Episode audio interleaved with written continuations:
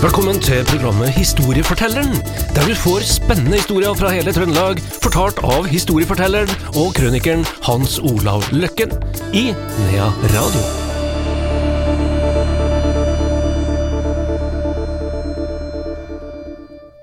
Historiefortelleren er tilbake igjen her i Nea Radio. Velkommen til deg, historieforteller og krøniker Hans Olav Løkken. Jo, takk.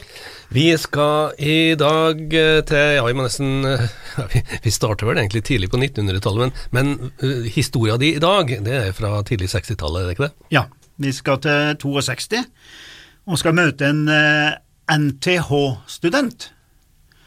Det har alltid på NTH vært eh, mange ulike miljøer innenfor sport og, og, og hobbyvirksomhet og sånn. Og det her er Skal vi, da, skal vi til værs nå? Nå skal vi til værs, ja. Og NTH Jeg har jo jobba i den luftfarten hele mitt liv, og hatt veldig mye og gjort med f.eks. NTH flyklubb og sånn. Eh, NTH seilflyklubben har jeg hatt en del med å gjort. Veldig seriøse mennesker. Jeg husker dem. De, De hadde, eh, de de- hadde lokaler oppe på Lerkendal. Ja, ja, jøss. Yes, Og er det kanskje en litt sånn sammenheng mellom det sånn intellektuelle nivået og alt det der, at de tar det litt mer seriøst og tenker teori og sikkerhet? Jeg sier ikke at det er noe sånn, men jeg har kanskje en litt følelse av det. Da.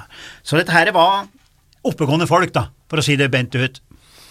Og han, eh, Vi møter han først nå da han eh, har kommet seg opp med seilflyet. Eh, Sitter og tenker litt, fordi han skal jo bli dratt opp med et annet fly. Det er jo seilfly vi snakker om, ikke sant? Så den har fått en kompis til å komme ut på Lade og dra han opp. Og de eh, har jo faste prosedyrer, og når de skal slippe den, og så sitter han jo der da og skal prøve å ri på bølgene, for han hadde lyst til å sette rekord, høyderekord. Og han skal jo da eh, fly i sirkler, og må legge seg opp mot Sørøsten. Da, for Sørøsten i Trøndelag, den kjenner vi godt når vi lander inn fra fjorden og på Værnes. Da rister det litt. Og sånn. Og han sitter nå der og tenker over livet sitt, og så har han irritert seg grenseløst for at noen eldre i klubben hadde liksom sagt til henne at eh, nei, nå hadde vel for dårlig erfaringsnivå, han, nei, du er for ung og du tar for mye sjanser og sånn. Og Det skulle han ha seg frabedt, vet du, så han var ikke noe skårunge, som han sa til seg sjøl, der han sitter oppe, og så titter han ned på Nidarosdomen, og da fikk han tro og styrke i dobbeltforstand. Nå skulle han virkelig vise dem, nå skulle han sette rekord, og la seg opp mot Sø- Sørøsten for å få løft, for du må jo også ha det løft, ikke sant? Og så, mens han sitter der, så merker han jo at surstoffmaska kanskje kiler han litt og, og, og, og sånn, og eh, plutselig så føler han at det er noe som ikke stemmer. Så blir han sløv, og så vet vi ikke mer. For vi vet ikke hva som skjer derfra. Han styrter. Og det var ikke noen vitne til jeg styrte. Og det her er altså en ung mann på 23 år, som da heter Ole Anatol Heinz. Heinz. Og det er da, det høres jo utenlandsk med en gang ut, Og mellomnavnet var Anatol. ja, Anatol, og den Anatol kommer fra Russland. Og Faras var ganske høyt oppe i det vitenskapelige miljøet. Han flykta fra, fra eh, kommunistene da, når de eh, skulle ta tsaren, og da bodde de i St. Petersburg, og kom til Norge med ganske høy stjerne allerede i den vitenskapelige miljøet, som fikk toppstillinger i Norge. Han her er faren hans, da. Og det her er da sønn på 23 år som går på NTH, og som hadde gifta seg og aldri fått et barn. For å gjøre det ekstra dramatisk det her, da. Så er det ingen som ser den her nedstyrten i og for seg, men det er en båt ute i Trondheimsfjorden som het Skumvær. Da. Der, de som er på båten, eller var et par der, de får med seg akkurat at det er noe som treffer sjøen foran båten. Det går fort, vet du. Wung, ned.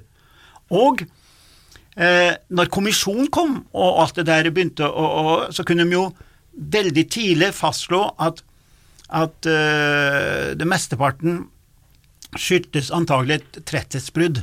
For de ser på delene. Hvis det, at, hvis det har vært et, et fly som styrter ned i sjøen, så vil delene være ganske samla. på et mindre område. Men hvis det skjer høyt oppe i, i, i lufta, hvor delene begynner å falle av, så vil jo de delene bli spredd over flere kilometer bortover, ikke sant, ettersom flyet går i oppløsning. Så de hadde aldri en teori, og de fant jo Ving og sånn, og så at det var en positiv G. De så på bruddflatene på pengen. Positiv G, må du forklare? Ja, altså at de, de, de, de, de klarer ikke å holde climb-gradienten da, her, og, og, og, og sånn, og til slutt så blir hastigheten sånn at den tar knekken på konstruksjon, da, fordi at den er ikke konstruert for det er, det er som alt annet her i livet. Det er, du kan ikke Det er for sterke krefter. Det er for sterke krefter. Det er ikke konstruert for det. Da. Sånn han har press, pressa dem kanskje i hastighet og sånn, da. Og, og, og, og så, så, de hadde en liksom peiling på hva som ville ha skjedd, da. Men de fant jo aldri flyveren. Og de fant jo deler etter hvert, da selvfølgelig, de kom jo inn på Rørvik. Etter noen dager så fær jo delene over halve Trondheimsfjorden, ikke sant, på grunn av strømmen og, og, det her, da. Og eh, det var jo eh, mange som tenkte hva i all verden skal du sette høyderekord over Trondheimsfjorden? Du trenger jo en form for termikk. altså det, det, det er liksom ikke kanskje den plassen du gjør det på. I dag så prøver man å sette høyderekord oppe i Folldalen Rondane, eh, med fjell og sånn som blir pressa og Da stenger man litt luftrom i påska, så de skal få prøve å komme seg himmelhøyt, og de er meget seriøse folkene da, som prøver på det her. Men han, han, eh, han eh, Heinster, da, eh, som de aldri fant, han Jeg tror han var, var litt irritert, altså, fordi at de har nesten mobba han litt, altså. Her, for det, det det, det heter seg da i, i, til og med i rapporten at han uh, hadde middels erfaring, han her uh, fyren da, og, og at han uh, av og til var kjent for å ta litt sjanser her, og men, men, det er jo ikke uvanlig på det erfaringsnivået du ligger. 23 år. 23 år, ja, ja. og nettopp begynt. Mm. Da er det Du har lyst, vet du. Ja, men det er sånn det er med bilkjøring òg. Ja. altså, det, det, er jo sånn med alt, da at du tror du er kanskje bra og enda litt bedre. Så det var liksom konklusjonen, da, kanskje en hadde pressa flyet litt i mestelaget for å bevise at en skulle ta de her gamlingene som hadde kommentert noe, da. da men det er jo eh, en tragedie i seg sjøl, og eh, en eh, fire-fem måneder før så hadde flyklubb, eh, altså NTH og flyklubben og Trondheim flyklubb òg mista to andre i glideflyulykke. De omkom på Røros. Så eh, det var ikke en godt år for klubbmiljøet i, i seilflyving. Og eh, vi vet eh, blant annet at eh, Det er et lite sidespor, men eh, ute på Lade det var et veldig bra miljø på Lade vet du, på den tida her. Og da var det en Safir, Saab Safir, som flyskolen hadde. da, den eh, kom fra Ørland og skulle fly til Værnes, og så skulle den ta seg en eh, det vi kaller touch and go, en skulle altså ned på Lade og så opp igjen.